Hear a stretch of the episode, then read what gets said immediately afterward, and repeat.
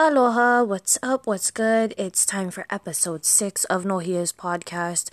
And in this episode, we continue to go over the days of the week.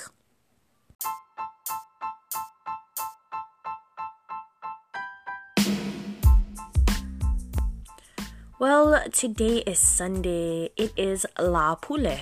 And Lāpule is spelled L A Kahako P U L E. Lāpule. Pronounced, repeat after me, La Pule. Lāpule. Have a happy Lāpule, everyone.